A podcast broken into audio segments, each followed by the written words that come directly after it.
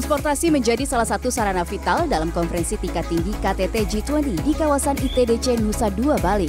Namun selama berlangsungnya G20 Summit, hanya kendaraan listrik dan mobil yang sudah terdaftar saja yang dapat memasuki kawasan ITDC Nusa Dua Bali yang menjadi area terbatas mulai 14 hingga 16 November 2022.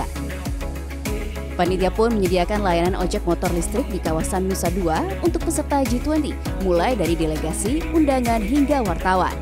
Saya pun tidak mau ketinggalan mencoba layanan yang diberikan secara cuma-cuma alias gratis tanpa menggunakan aplikasi sama sekali. Sekarang saya mau mencoba layanan motor listrik yang disediakan selama KTT Puncak G20 di Nusa Dua Bali. Yuk, Bu, mana? Bertugas melayani para delegasi hingga jurnalis yang datang dari berbagai negara membuat seleksi pengendara ojek motor gratis di ajang KTT G20 ini dilakukan secara ketat.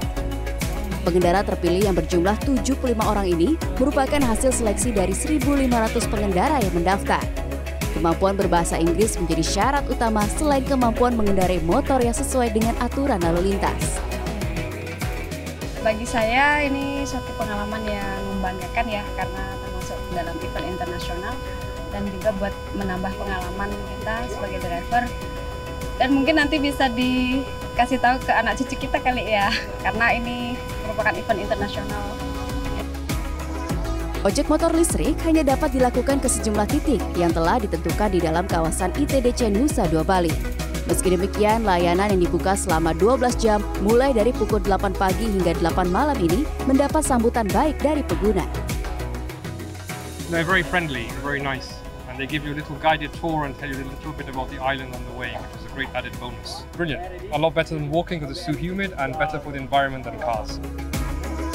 Bagi pelanggan yang ingin mendapatkan layanan ojek motor gratis, dapat mendatangi shelter di sejumlah titik. Keenam shelter tersebut antara lain Grand Wiz Hotel, ICC atau Media Center Bali Collection, Hotel Hilton, Courtyard Nusa Dua Resort, Lagoon, hingga Mulia Resort Nusa.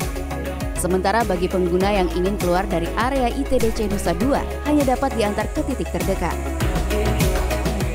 Benar saja, saat saya mencoba menaiki layanan motor listrik gratis selama di acara puncak KTT G20 ini memang saya bisa dikatakan bebas dari hambatan lalu lintas karena memang motor bisa melalui jalan-jalan yang uh, seperti ini nih, yang tidak bisa dilalui mobil. Layanan ini pastinya memudahkan tidak hanya saya sebagai seorang jurnalis, namun juga para peserta yang mungkin ingin datang ke lokasi summit namun terjebak kemacetan. Sufiani Tanjung, Windri Hawadis, Nusa Dua, Bali.